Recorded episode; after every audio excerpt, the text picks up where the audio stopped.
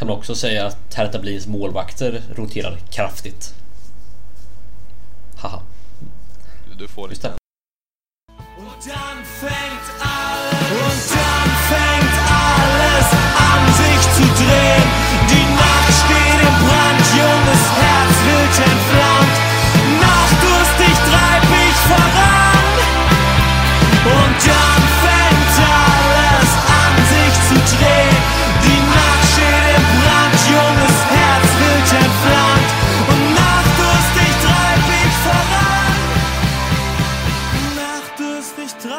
Hjärtligt välkomna ska ni alla vara till detta lite försenade avsnitt av Drajket Podcast. Jag är er värd Axel Falk och är lika glad som alltid att få njuta av sällskapet av två Erik. Erik Appelqvist, välkommen tillbaka. Mm, tack, tack. Och Erik Boldén, hjärtligt välkommen tillbaka du med. Tusen tack. Boldén, hur har din senaste vecka varit? Eh, jo, men det har varit ganska bra. Lite upp och ner. Eh, började med en med förkylning och liknande och lite, lite halvdeppig på att eh, den mörka tiden har kommit. Men eh, det finns ju mycket fotboll just nu och eh, Fifa kommer snart ut så att det, det löser sig. Mm, när den släpps har Fifa kommit ut till och med så att... eh, Ja, precis. Just det. Man har bara några, några timmar kvar när vi spelar in det så att... Ja. Den, den mörka tiden, mer menar då vädret eller menar du psykiskt? vädret. Vädret, okej. Ja, Yes. skönt att höra. Skönt att höra. Appelqvist, hur har din vecka utspelat sig? Ja, men det har varit en, eh, en eh, ganska så bra vecka. Jag, jag till skillnad från Boldén är ju glad över att det, den mörka tiden har kommit. Eh, och Jag är med väl faktiskt. lika taggad på, på Fifa som han är.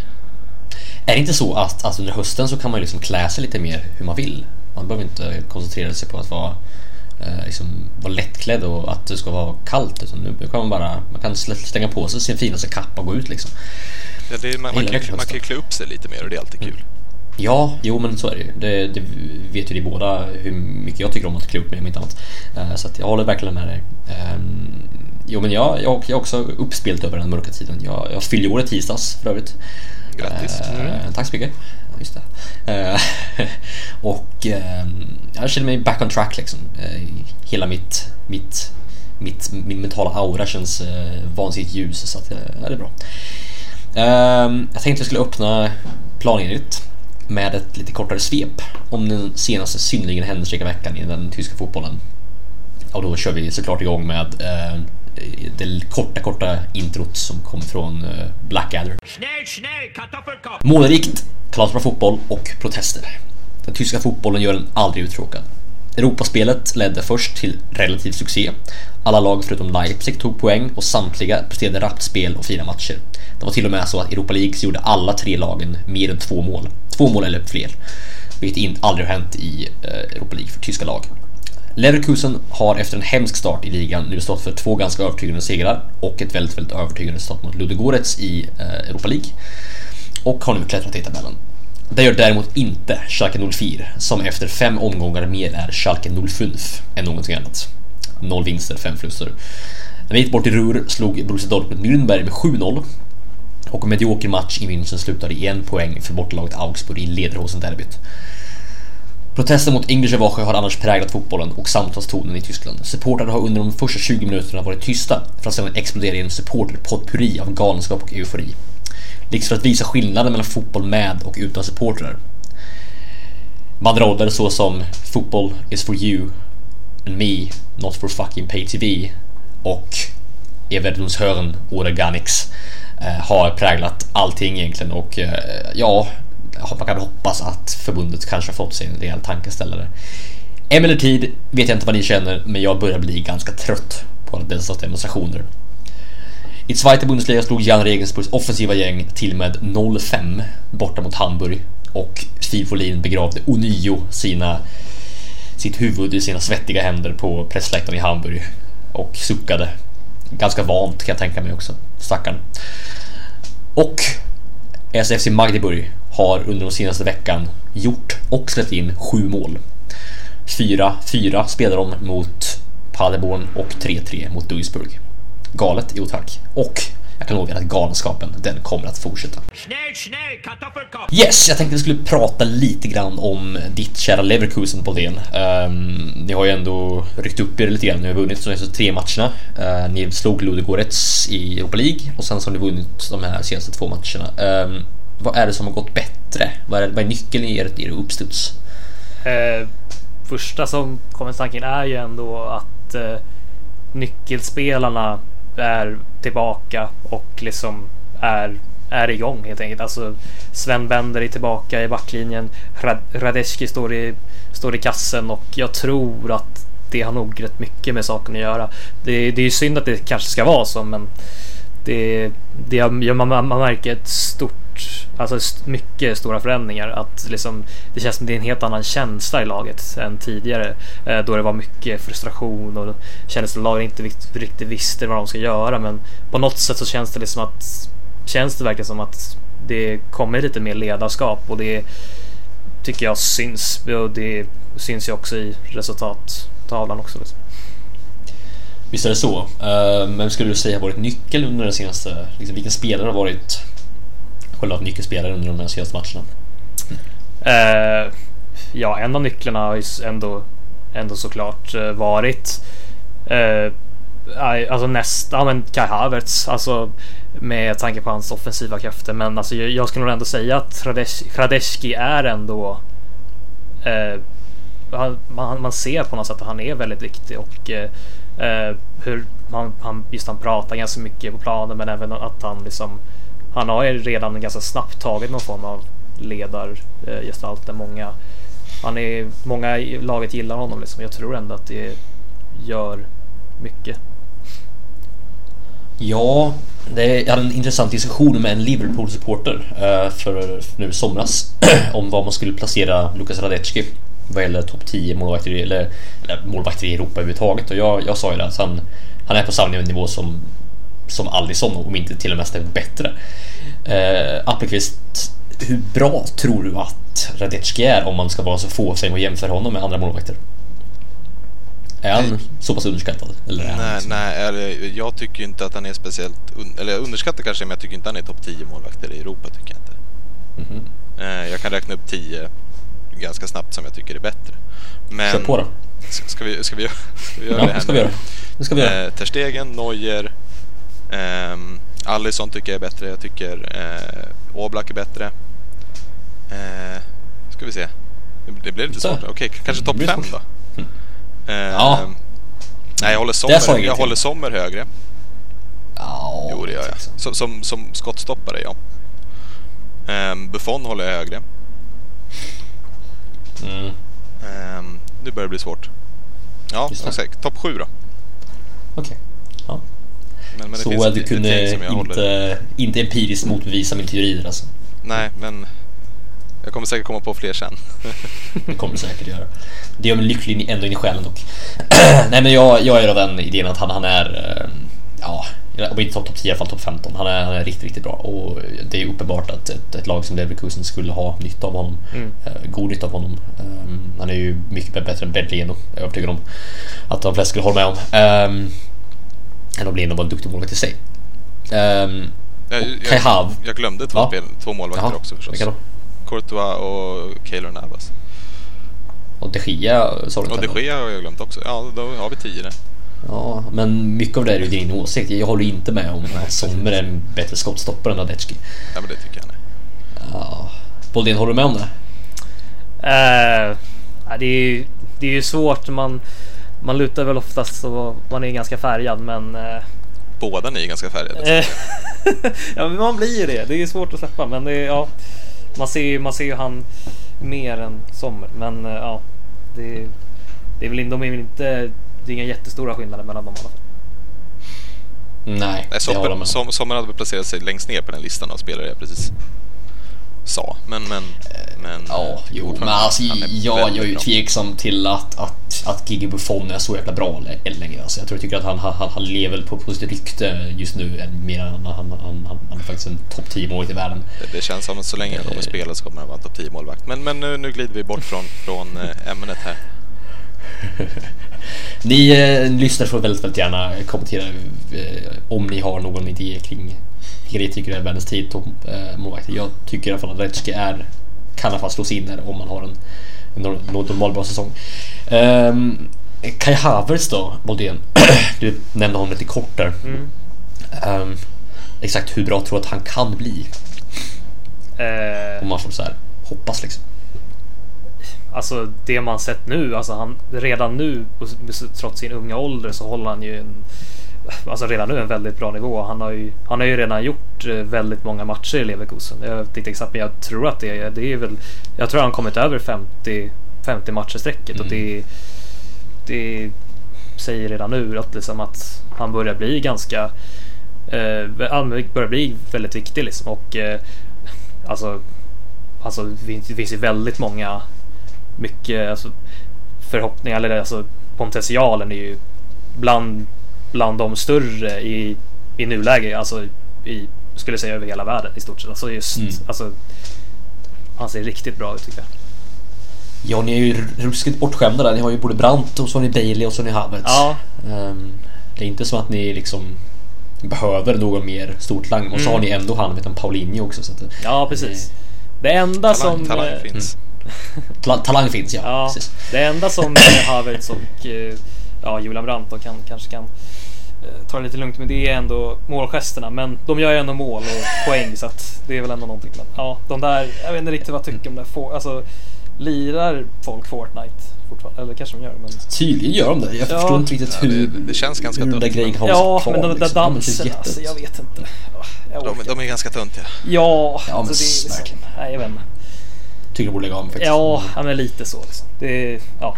Men men, gör de mål så ja, fine by me. Men lite mindre kan de. Sånt kan de göra.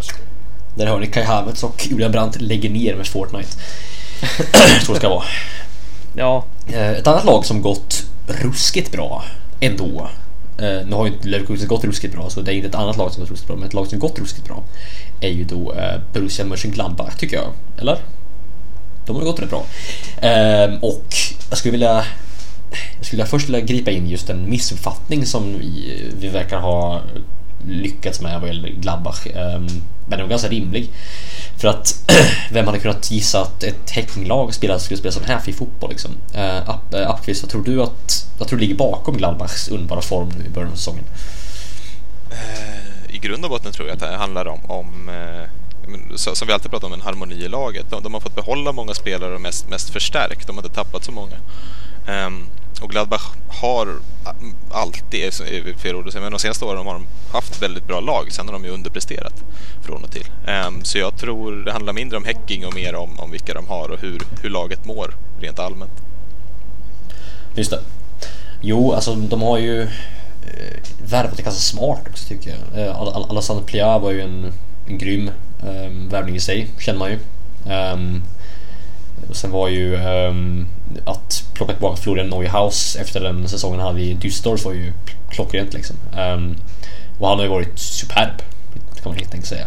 Uh, han gjorde två assist nu mot Frankfurt i, i, i onsdags och har ju varit en riktigt duktig spelare för dem, vilket är ganska oväntat.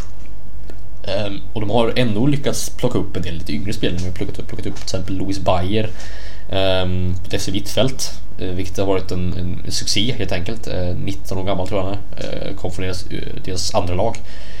Spelare som jag inte hört alls mycket om men som nu har liksom dundrat in i, i våra hjärtan som en slags defensiv speluppläggare med en vansinnig blick för spelet.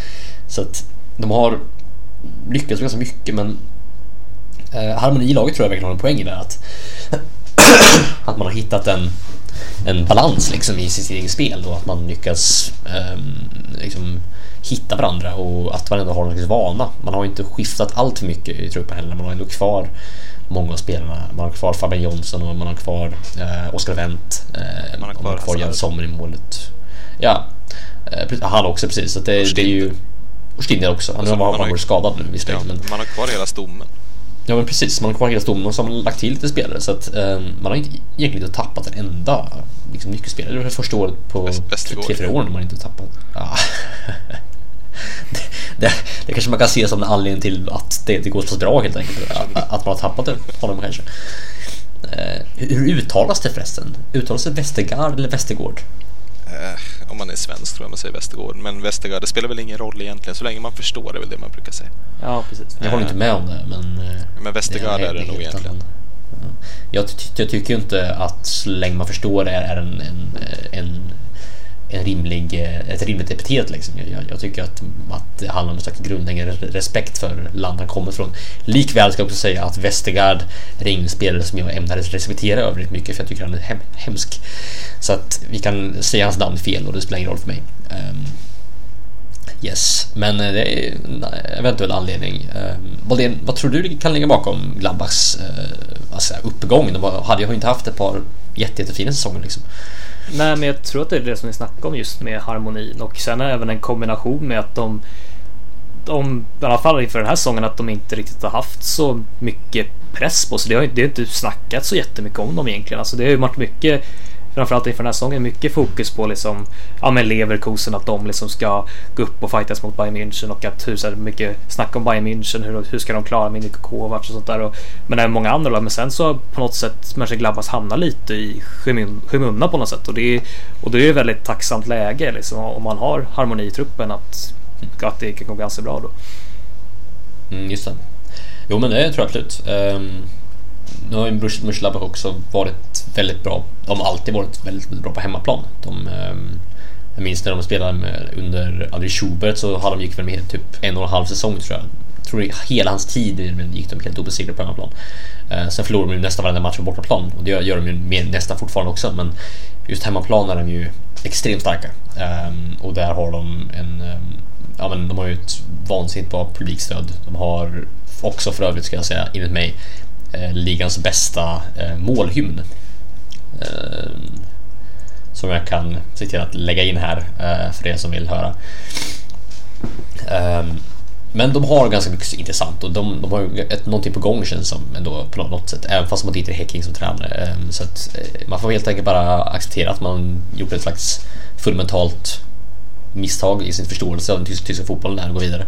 Jag vet att Appelqvist hävdar att han inte alls gjorde ett misstag här utan att, att, att han sa att det här skulle hända all along men jag vet inte riktigt. Plats sex i tippningen. Har jag sagt alltså. Ja men då så, kanske, kanske ligger tio Jag vet inte riktigt, jag vet inte riktigt vad, vad, vad vi sa i vårt avsnitt där. Ni får säkert gå tillbaka och kolla. Um, höra vad, vad det var han sa egentligen. Jag har kollat upp min lista Anders, jag har den här. Du har den nu? Ja. ja. Va, vet du vad vi sa? Jag tror jag sa åttonde plats någonting. Eller sjunde plats. Jag tror att du sänkte dem ganska långt faktiskt. Nio kanske. Ja, där Kanske Ja. Jag fann dem på åttonde plats. Alltså. Det, ja, du hade dem ganska mitt alltså. Ja. Nedflyttad plats hade jag på. Nej, det, det var Leverkusen förra året. Så illa var det. Nej, det var en skaplig miss. Det gör man inte om. Um, nej men eh, de spelar verkligen kul fotboll. Alltså Gladbach. De, de, de, de rullar boll och jag var nästan fascinerad av att se dem igår, eller igår, idag för mitt mot mitt kära Frankfurt för att Frankfurt var utspelade stundtals. Alltså Gladbach var de hade liksom, de var överallt, de hade intensitet, driv, vilja, eh, jävlar anamma. De, de hade bolltrill som var något, något man inte riktigt sett från dem på rätt, ganska länge känns det som. Um, och så var de ganska starka i luften också och väldigt, väldigt um, rappa på kontringar. De, de har det mesta tycker jag. Så att, mm det, ja, det, är, ett intressant lag och kul att se dem gå bra och ganska ungt lag också. De har ju börjat föryngra mer och mer med, med eh, Neuhaus och Bayern också. Så. Ja, ja Plea ser ju fin ut också. Ja, jäklar alltså. Han har gjort han fyra mål va? Ja, jag tror, tror det var sånt uppe i. Så att um, lika många som Ondrej Duda som är skytteligledare hittills. Uh, väldigt, väldigt överskattad spelare enligt mig, men det, det är en helt annan fråga. Um, ja, Eh, någonting mer ni känner att ni vill säga om Borussia Mönchengladbach? Appqvist? Nej, något du vill tillägga? Inte direkt, inte något som redan har sagt så att säga. Nej, Boldén, något du vill tillägga? Nej, faktiskt inte. Nej, då går vi vidare mm. till uh, en, liten, ett nytt segment kan man säga. Um, får vi se hur ofta det här kommer upp men um, jag har de senaste två avsnitten gjort ett, uh, ett, ett rant kan man säga. Ganska oplanerat men ändå ett rant och då fick jag ett, ett tips från en på Twitter att jag skulle göra ett, ett rant till Revoche. Och det tänkte jag att jag skulle börja med. Dessa protester, dessa evinnerliga protester i den tyska fotbollen. Jag eh, börjar nästan bli trött på den. Och ni kan säkert tänka att, att men hallå, har, har inte du pratat om, om hur viktig supportkulturen är för, för den tyska fotbollen? För det är det hela det handlar om. Det handlar om att, om att supporterna tycker att sin egen supportkultur börjar falla bort och börjar bli, hamna i skymundan eh, på grund av liksom en girighet och, en, och, en, och, en, och ett driv mot, mot mer och mer pengar. Eh, det vill säga då i det här fallet att lägga matcher i mitt i veckan och på måndagar. Och visst, jag håller helt med. Jag håller helt med om att det är vidrigt att de eh, försöker kräma ur så mycket pengar de bara kan ur fansen och ur sporten. Men vi måste samtidigt minnas att fotboll, fotbollens faktiska essens är 11 spelare mot 11 spelare på en gräsplan med en boll. Laget som gör flest mål vinner.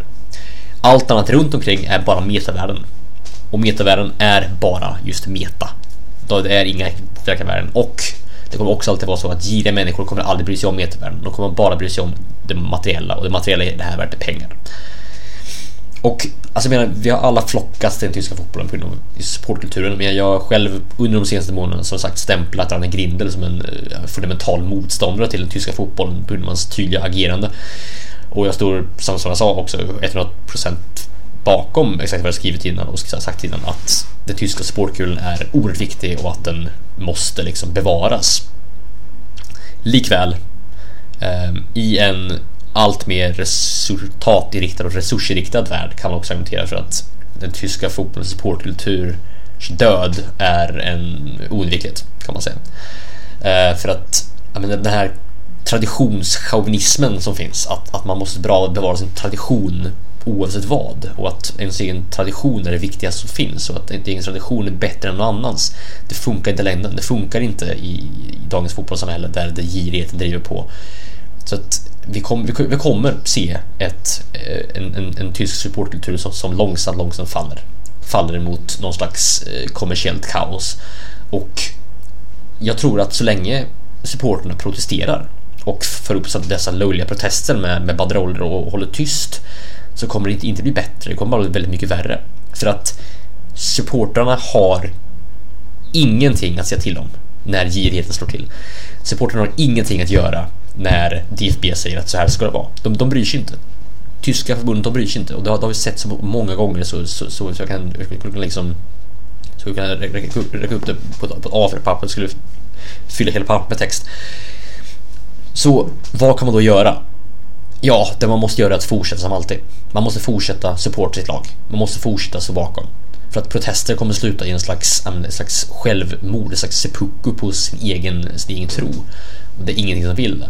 Utan det man måste göra är den perfekta hämnden, skulle jag vilja säga, mot just eh, DFBs girighet. Det är att fortsätta supporta lagen precis så bra man kan.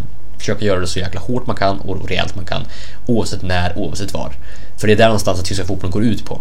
Att stå bakom sitt lag hur mycket man bara kan. Det handlar inte om att, om att stå och hålla tyst i 20 minuter på grund av en slags protest. Det handlar om att supporta sitt lag. Och där tycker jag att vi, man förringar ofta det just för att försöka göra en protest. Så jag, jag, är trött på de här protesterna. Jag tycker att det är dags att sluta med dem nu och bara stå bakom lagen. För att liksom de här, när man kommer till kritan och kryper till korsen och kokar ner hela allt till metavärlden så kommer som sagt man till slut inse att metavärlden bara är just metavärlden. De betyder ingenting materiellt och människor med makt kommer alltid vara mer intresserade av materiella ting än vad medelvärlden är. Typ DFB, de är det. Och alltså betyder supporternas värderingar ingenting alls för dem. Så låt dem så veta att deras aktioner inte kan ta död på vår kultur. Låt dem så veta att, att deras girighet inte rår på vår passion. För det är nog egentligen den ultimata hämnden. Yes, de här. Eh, vi kan väl prata lite grann om just de här protesterna. Eh, Appelqvist, vad är dina tankar kring, eh, kring att lägga matcher mitt i veckan? Det, det är ju inte, det är inte optimalt, det är det ju inte. Eh, det har det väl aldrig varit egentligen.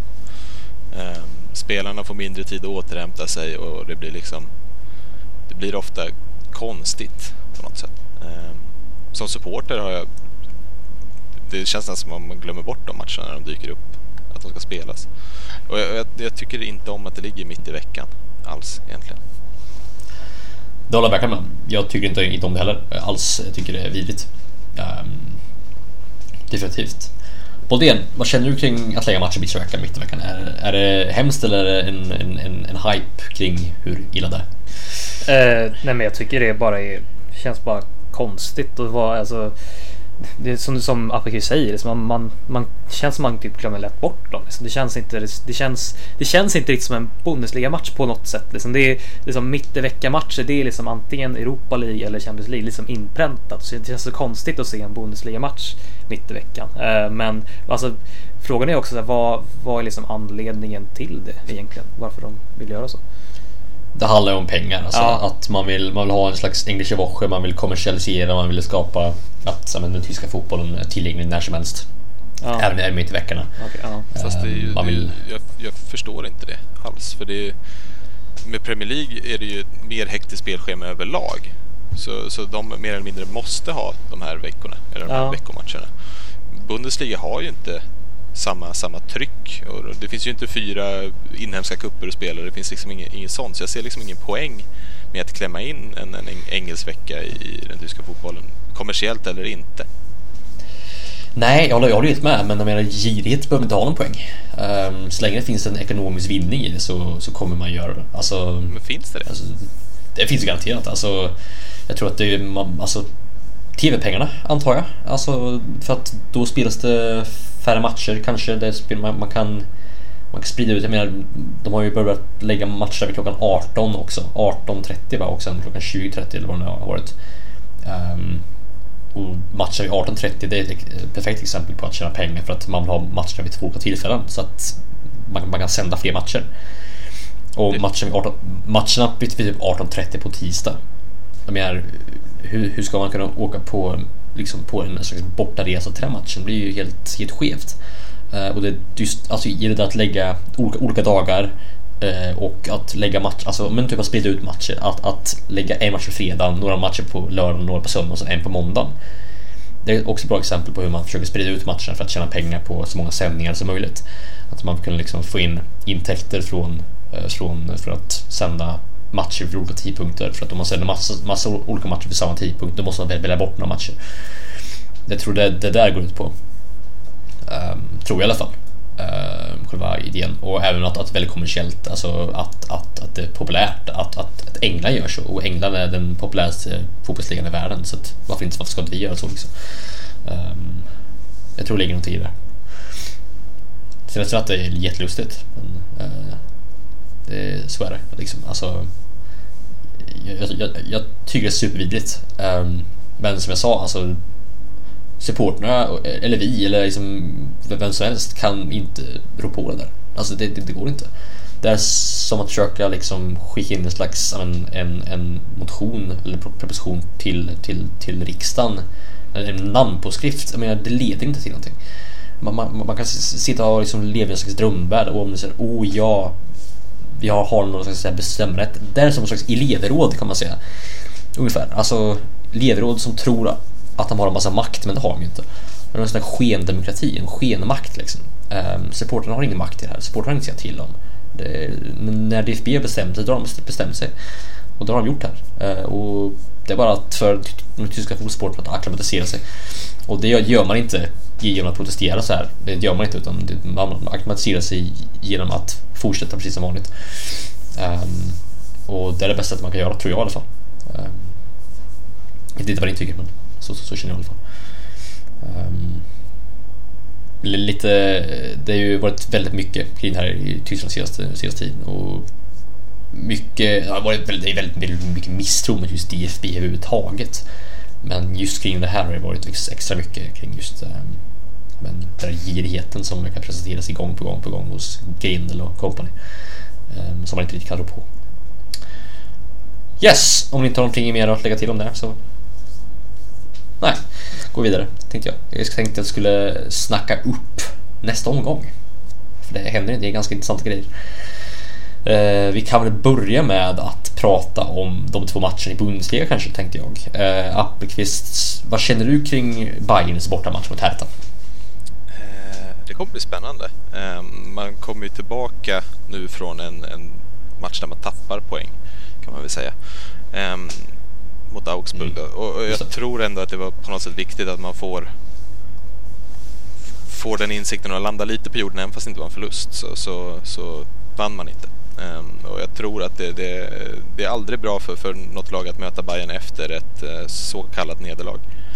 Ehm, Men det kommer bli en spännande match, men jag tror Bayern tar den ganska lätt. Ja, ni har haft ganska svårt i Berlin, har ni inte det? Från och till. Det är lite olika från säsong, till- säsong till säsong faktiskt. Eh, Mm.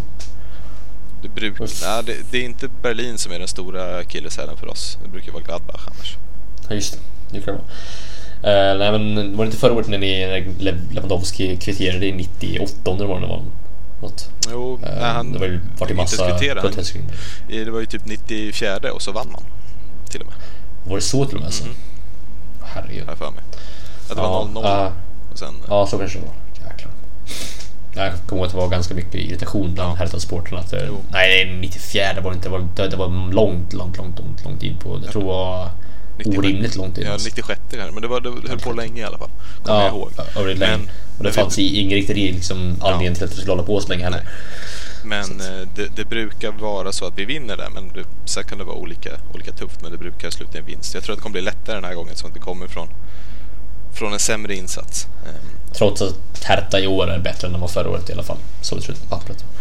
Men de har ju en del lite små skador nu dock, Hertha. Har de inte det? Garstein gick ut i paus ehm, senast mot Bremen. eh, som det såg ut. Och men kom in då Kraft eller Klinsmann? ja, Kraft Ja. kommer hoppa in. Och det, då vet vi hur det kommer gå. Det kommer vara självmål liksom. Från, Hemvändare. från Kraft. En hemma... Just det blir det. Eller ja, nu är han ju, Ehm. det är ju på hemmaplan. Men eh, Ja, jo, men- ja, vad kan, vad kan man säga då? Eh, ja, hemvändare på något sätt. Jag vet inte riktigt hur, man ska... Terminera Bayern- den. Bayern-produkt för de som inte håller koll. Ja, precis. Ehm, och de har väl ändå da, Darida är borta också såklart, så det är ju ett stort avbräck. Ehm, eh, Eh, så att eh, det, det finns lite grann att jobba med där, men ja, men Bayern inte liksom. Sorry. är det. Och det man känner kring den där matchen, det är ju ändå en, ett toppmöte har det blivit liksom. Ja, det är som det ser ut i tabellen så ja, det är absolut ett toppmöte. Liksom. Eh, och eh, man kände ju lite efter, nu ska man inte dra stora växlar över eh, Aug- Augsburg-matchen där när det vart 1-1 och man fick ett snabbt tanke, åh det kanske händer lite grejer men, men ser, man, ser man på den här matchen nu så det, Bayern ska nog inte ha några större problem mot dem men det, är- det, är, ändå, det är ändå bortaplan så det kan väl hända någonting men som du sagt spelartappen tror jag för Berlin tror jag kan vara alldeles för stora. Vi får, Mm. vi får inte heller glömma bort att Bayern roterade kraftigt i veckan. Precis. Det Så ju- Förutom backlinjen så var det ju bara liksom, rotationsspelare mer eller mindre. verkligen. Så att det ska nog inte vara någon större Kan man också säga att Hertha Berlins målvakter roterar kraftigt. Haha.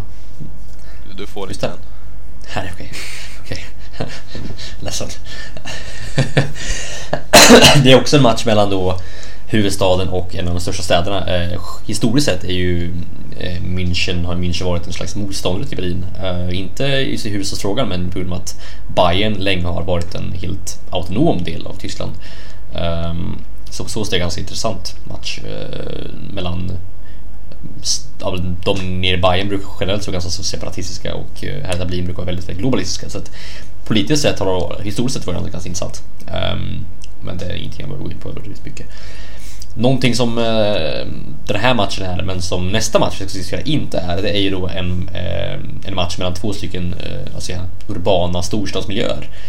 Nästa match är ju då eh, Leverkusen mot Borussia Dortmund. Inga städer som direkt är kända för sin skönhet eh, eller för sin charm.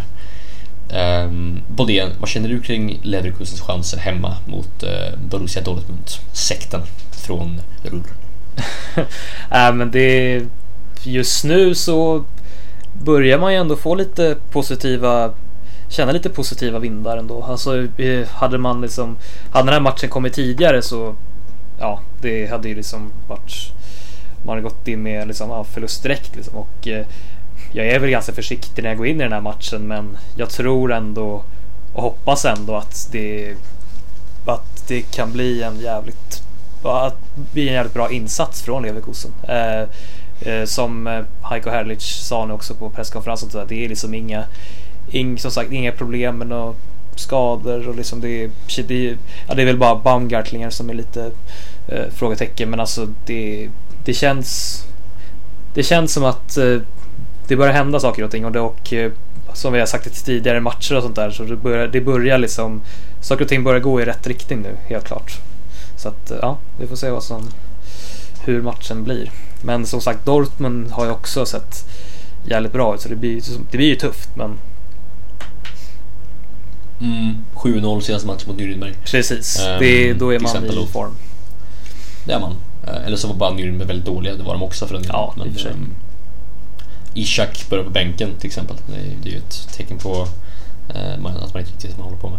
Nej men ehm, det var... ehm, det kan bli en intressant och väldigt hög oktanig match tror jag. Mm. Eh, Leverkusen är ju ofta väldigt kul att se speciellt på hemmaplan och även då Dortmund, det brukar vara roliga. Ehm, och nej men eh, jag, jag ser fram emot den matchen, det ska bli riktigt, riktigt roligt faktiskt. Ehm, vad tror du att det kommer sluta? Om du fick liksom så här tippa. Eh, alltså, är ju, man, jag brukar ju oftast vara väldigt pessimistisk när det kommer till tippningar men Nej, nu, nej, nu kör vi. Jag, jag tror fan eh, 3-1 till Leverkusen. Det, ja, vi kör på det. Det, det, kan bli, det här kan bli liksom eh, vändningen på den dåliga säsongen. Slå Förhoppningsvis. på Just stora trumman nu alltså. Ja, men det... Nej, slå på stora trumman har varit 8-0. Nej, ja, jag tycker vinst så här långt är fortfarande stora trumman. Ja. Slå på stora trumman är ju typ att säga ja, Stuttgart kommer vinna Bundesliga eller um, att säga ja, Hamburg kommer slå Leipzig med 3-0 på bortaplan eller det, det är slå på stora trumman. 3 ja men oh, kanske. Alltså med tanke på förutsättningarna så är det ju lite och nu, nu, nu hör ni ju att jag pratar om saker som, som vår älskade Filip Wåhlin har sagt och det är för att han har en tendens att slå på stora trumman ganska ofta. Um, och det är kanske inte helt nice att göra det ibland. Men uh, 3-1 är en ganska intressant tipp. Jag kan mycket väl se en match som skulle kunna sluta så. Ja, ärligt talat. Så jag tycker jag är ganska, eh, ja, ja men rimligt faktiskt. Rimliga trummor. Ehm, rimliga trummor till och med, ja, men precis. Mellanstora trummor. Lagom trumma. Man slår på, ja men precis. Man slår på bongotrumman lite grann. Ja.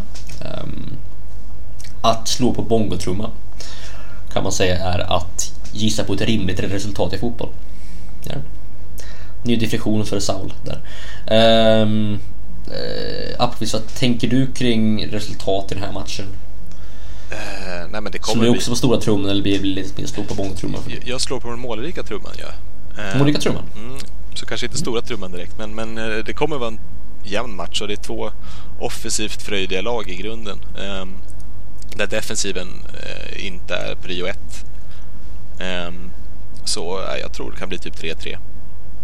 Något sånt. Mm. Oj. Um, mål, målglatt så fall så, har vi, i så fall så måste vi sannolikt ha rytmen i blodet för, för annars kommer det bli jobbigt att hänga med.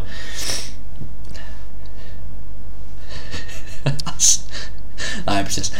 Nej men 3-3 vore kul. Eh, det kan också jag mycket väl se hända faktiskt. Ehm, mycket mål tror jag på den här matchen. Ehm, intressant överhuvudtaget tror jag. Jag vet inte vad jag ska gissa på men 2-2 kanske. Jag tror på Dorpe minst här faktiskt tyvärr, men jag, tror på att det blir typ 3-2 någonting. Um, alla mål i första halvlek också. Det kommer bli en sån här galen, galen målfyrverkeri och sen kommer de bara sluta.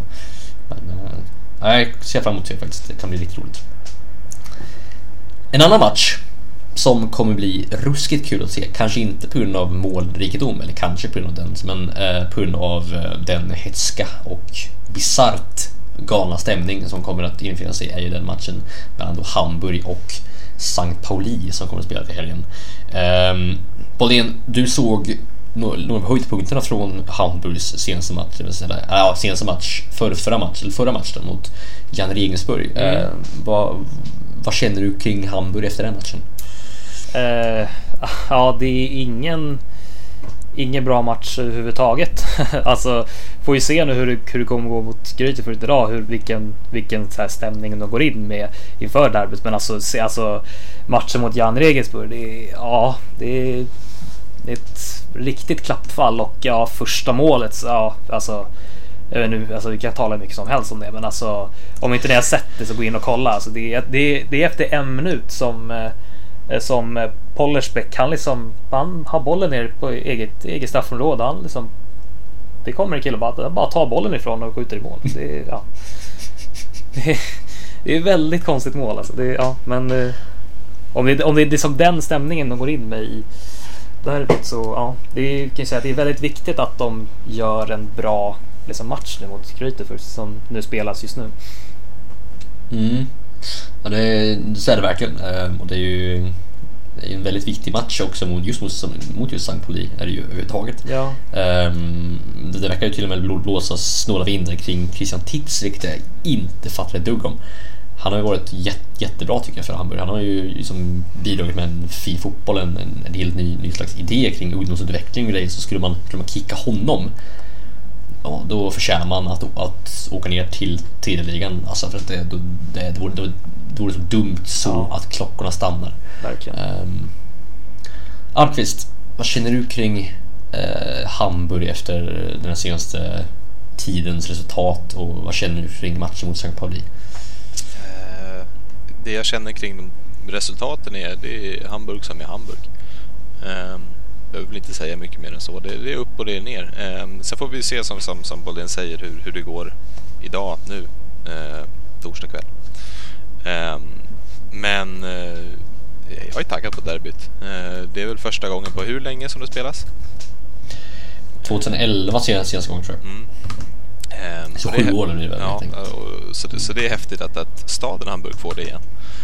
Ehm, Ja, verkligen. mm. Och sen får man ju inte glömma bort att eh, beroende på resultatet ikväll, men just nu poängmässigt så ligger de ju på samma poäng eh, i tabellen. Just det, gör vi. Ehm, så så det, det är en viktig match så här i, i början av, av säsongen också. Jo men visst är det det. Är ju... ehm, ja men Zweite Bundesliga är så jäkla jämn också så att eh, alla slår ju verkligen alla. Vi såg ju Paderborn till exempel slå eh, Köln, det 5-3 förra omgången, va? förra, förra omgången var det något sånt där. Det är ett bevis på att alla kan ju slå alla och det blir mål överallt och lagen faller och, och rycker och, och far åt och som kors och tvärs så det, det är, menar, varenda poäng som man samlar in är viktig i Zweite Bundesliga, så är det ju. Jag kan säga att det skiljer fyra poäng mellan plats två och plats 13. Nej, plats 12. Och det säger Alltså, väl det, någonting. är, det är helt galet. Det är, ehm, det är Zweite Bundesliga som bäst. Det är, ja, men det är svårt att hitta en, en galnare liga i Europa tror jag. Alltså en Bundesliga. Det är väldigt svårt.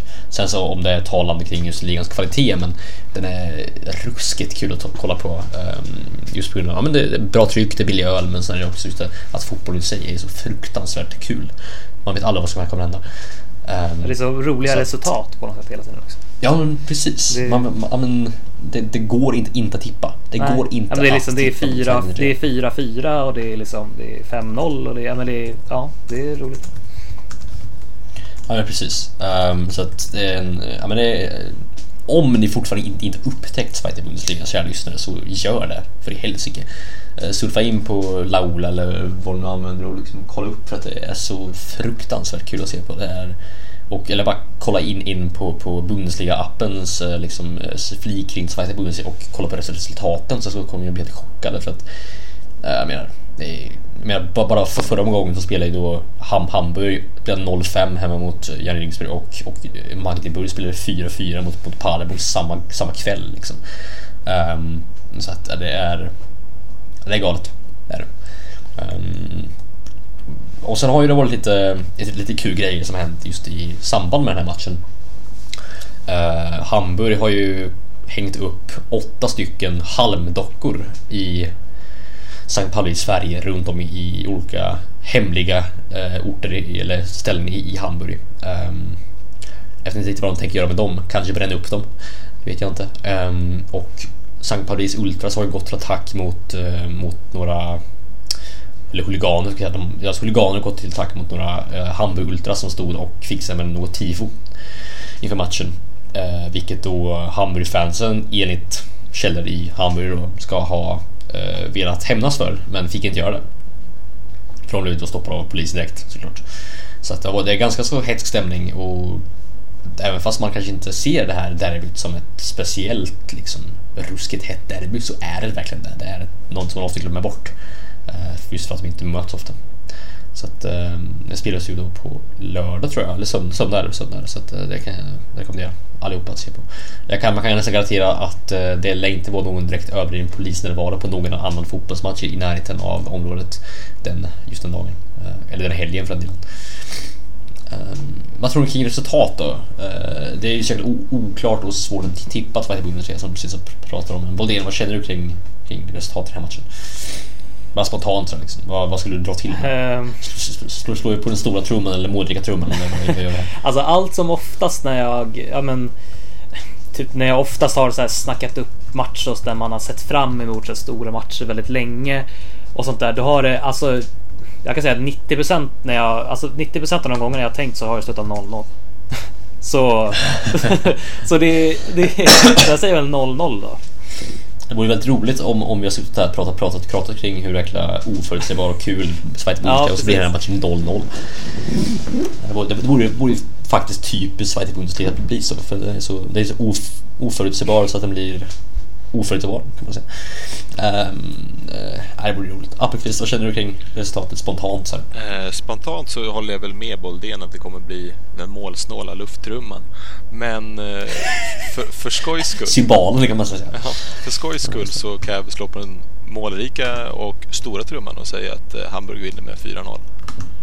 Oj, oj, Bara för att. oj. Det skulle bli en riktigt kul match faktiskt. Jäklar vad kul. Uh, ja, jag vet inte riktigt vad jag ska säga. Jag, tror på... Um, ja, jag, jag, tror att det blir... Oj. Spontant, min magkänsla säger att det blir typ 3-0 till Sankt Pauli och Christian Tietz får sparken. Hamburg faller, slutar säsongen typ 12 plats. Klubben är i fullkomlig panik och kaos och sen så bara, nej, så blir det inget av det ändå. Um, ehm, för att jag tror att den här matchen kan ha en jättestor effekt på säsongen. Alltså vinner, vinner man den så är det nog rätt bra igen. Då, då, då har man glömt bort en 0-0-5 hemma mot Jar Jägersburg. Men förlorar man den här matchen, oj, oj, oj, oj, oj, oj då, ehm, då ligger nog man illa till i, i ehm, hos fansen och även i, liksom hos, hos styrelsen. Även fast de gjort en rätt, så bra säsongstart ändå och spelar, spelar ganska kul fotboll. Så att det, ehm, ja, det, det är en ganska en viktig match. Där för HSV. Eh, St. Pauli också, men St. Pauli är ju en klubb som ändå känner sig mer och mer hemma i Zweite Bundesliga än Hamburg som har den deras första säsong någonsin. Så att, eh, det är väldigt intressant överhuvudtaget. Det är det verkligen. Um, ja, jag tänkte skulle gå in på, om ni inte har någonting mer att tillägga kring den här matchen. Någon av er? Nej, Känns inte direkt. Nöjda? Jag har Nej, gått igenom det mesta tror jag. Då så. Jag har slått på trummor här också. Ja men det är bra, men det gör vi. Gör vi allihopa. Eh, Jag kan starta ett helt trumband snart. Um, en trumcirkel kanske till och med kan kan starta. Trumcirkeln Dreikete podcast. Har någonting att se- att se fram emot. Um, Tyskland har ju fått EM 2024. Det blev klart idag, torsdags, igår för er som lyssnar. Um, det här kan ju betyda ganska mycket, känner vi. Um, Erik Boldén, vad tror du att det här ehm, att de fick EM kan betyda för, liksom för folket? Eh, och vad kan det betyda för en, eventuell enighet? Jag menar, Tyskland är ju väldigt oenat just nu vad gäller fotboll. Vad, tror du att det här kan påverka på något sätt? Ja, men det, det tror jag absolut att det kan göra. Eh, eh, som du säger, att det har ju varit väldigt liksom eh, väldigt ja, men delad fotbollsnation på något sätt. Ja, men just att det, det har varit ganska dåliga resultat i, inom fotbollen och sånt där. Och eh, ja, framförallt VM då. Eh, och, eh, och jag tror ändå att det, kan, det här kan som sagt, det kan ena absolut. Och jag tycker också att det är, det är väldigt roligt med ett, att, att ett fotbollsland som Tyskland får hålla i ett stort mästerskap igen. För att det, med, med tanke på de här eh, nationerna som har hållit, som ska hålla VM och i alla fall till exempel ja, men, Qatar och sådär med Ryssland där liksom man är tvungen att bygga, i stort sett att bygga upp nya arenor. Här är, står ju i stort sett allting klart. Det här är liksom en fotbollsnation så man behöver inte göra mycket. Så det är, jag tycker det är, så jag, men jag tror och hoppas i alla fall att det kommer ena fotbollstyskland lite mer. Ja, jo men jag håller, eh, hoppas jag med. Alkvist, håller, håller med Boldén här? Ja, men det gör jag. Ehm, Det är väl bara att kolla på, på hur det har varit när tidigare, alltså bara senaste EMet, hur, vilken folkfest och hur glatt och hur bra det var för, för fransk fotboll och hur det var för Frankrike. Och jag tror inte att det är någon, någon större skillnad eh, när det kommer till Tyskland där. Jag tror att, eh, att man kommer tjäna otroligt mycket på att få ha, ha en sån folkfest och en sån fest på hemmaplan. Eh, Mm. Resultatmässigt Jo, också för den delen. Hemmalaget brukar ju gå ganska starkt. Eh, Så jag tror att det är vik- viktigt för Tyskland. Mm. Ehm, det blir ju någonting att sikta mot som nation också blir det någonstans. Man, man siktar mot ett gemensamt mål igen. Man, man får liksom kraftsamla och någonstans se att man, man är liksom ett folk som, som tycker om fotboll och som arbetar mot ett gemensamt mål och det tror jag är väldigt viktigt. Jag tror det är precis vad Tyskland behöver just nu uh, faktiskt för att det är ju så jäkla splittrat, splittrat på så många olika plan. Um, och uh, ja, Eh, jag tror det finns ganska mycket bra att hämta ur den här hela, eh, att man fick just eh, EM. Ehm, så att ehm, Nej, men jag tror det är väldigt positivt överhuvudtaget för, för landslaget att, och för landslaget och för nationen och även för klubbfotbollen för att klubbfotbollen påverkas ju av hur stor tilltro de här supportrarna och så vidare har. Det har vi sett nu med de här protesterna. Ehm, protesterna gör ju inte klubbarna väl heller liksom, utan, utan det är ju, de vill ha så mycket folk på sina matcher som de kan och om, om, om, om supportrarna protesterar mot DFB genom att inte gå på matcher, det är, det är inte bra för klubbarna heller. Så att klubbarna vill ha ett, att, klubb, att klubbarna vill ha ett bra samarbete med, med DFB och fansen, de vill, ha, de vill ha fans som har tilltro till förbundet. Och jag tror att det här är ett sätt att skapa tilltro till förbundet om man, om man spelar sina kort rätt. Vilket man dock inte gjort de senaste åren, men man kan ju alltid hoppas att det går bättre nu. Um, så att det, det känns ganska positivt. Jag håller verkligen med om. Um, men nu är det sex år kvar till dess och det är väl um, Um, inga jätterenoveringar som behöver göras på några arenor utan arenorna står ju liksom klara och färdiga. De, de är ju väldigt moderna överhuvudtaget. Så det, är ju, det var ju mellan Tyskland och Turkiet. Um, jag vet inte riktigt hur, vilken bedrift det är att vinna mot Turkiet i sån här men uh, de kanske har en del minuter att betala, jag vet inte riktigt. Det är ganska laddat det också tror jag. Det är det verkligen. Verkligen laddat. Eh, politiskt laddat. Och speciellt i den här situationen med just Erdogan och Özil så har ju just fotbollssituationen mellan de två blivit ännu mer laddad. Liksom. Att, eh, eh så att, eh, det var nog väldigt alltså, skönt för Tyskland att, att, att knipa den där från, från turkarna. Det tror jag verkligen. Yes! Då tror inte jag att vi har jättemycket mer att prata om i den här. Um, om inte ni har någonting brinnande att tillägga angående den här veckans uh, tyska fotboll. Uh, utan annars så tror jag att vi ska stänga uh, butiken för idag. Uh, jag får tacka er två så oerhört mycket för er tid och för ert engagemang och för er vilja och för alla era kommentarer och tankar. Ehm, allt lika intressant att höra på och att diskutera. Tack Tack själv så hörs vi helt enkelt om en vecka eh, efter en ruskigt intressant helg där vi hoppas att vi inte får höra om några överdrivna kravaller eh, i Hamburg utan eh, vi kan, det kan gå väldigt vilt till men vi vill inte höra om några dödsfall eller någonting. Och gärna väldigt, väldigt målrik match mellan, mellan Leverkusen och Dortmund så att vi, vi slog på målrika trumman med lycka och glädje. Um, ja, tack så jättemycket för att ni lyssnar. Det är alltid lika roligt och lika roligt att höra kommentarer och idéer och tankar. Och uh, ni får jättegärna fortsätta um, liksom peta på oss och komma med idéer och kommentarer och tankar. Det är alltid lika, lika kul att ta del av. Lämna recension om ni vill också. Det får du jättegärna göra också. Gå in på, på iTunes och lämna recension eller podcastappen. Det hjälper oss jättemycket. Eh, och så får ni gärna dela podcasten på alla sätt ni kan. Eh, förmedla, eh, fortsätta prata om den i sociala rum och bara liksom sprid. Vi är jättetacksamma för allt som ni gör, för att ni lyssnar, för att ni sprider och pratar om den. Och jag hoppas att ni är tacksamma över att vi finns också. Helt enkelt. Det är jag i alla fall. Så att, ja, tack så oerhört mycket. Ehm, det här var sjätte avsnittet av Draget Podcast. Vi ses nästa vecka. Ciao. Tschüss. Auf Wiedersehen.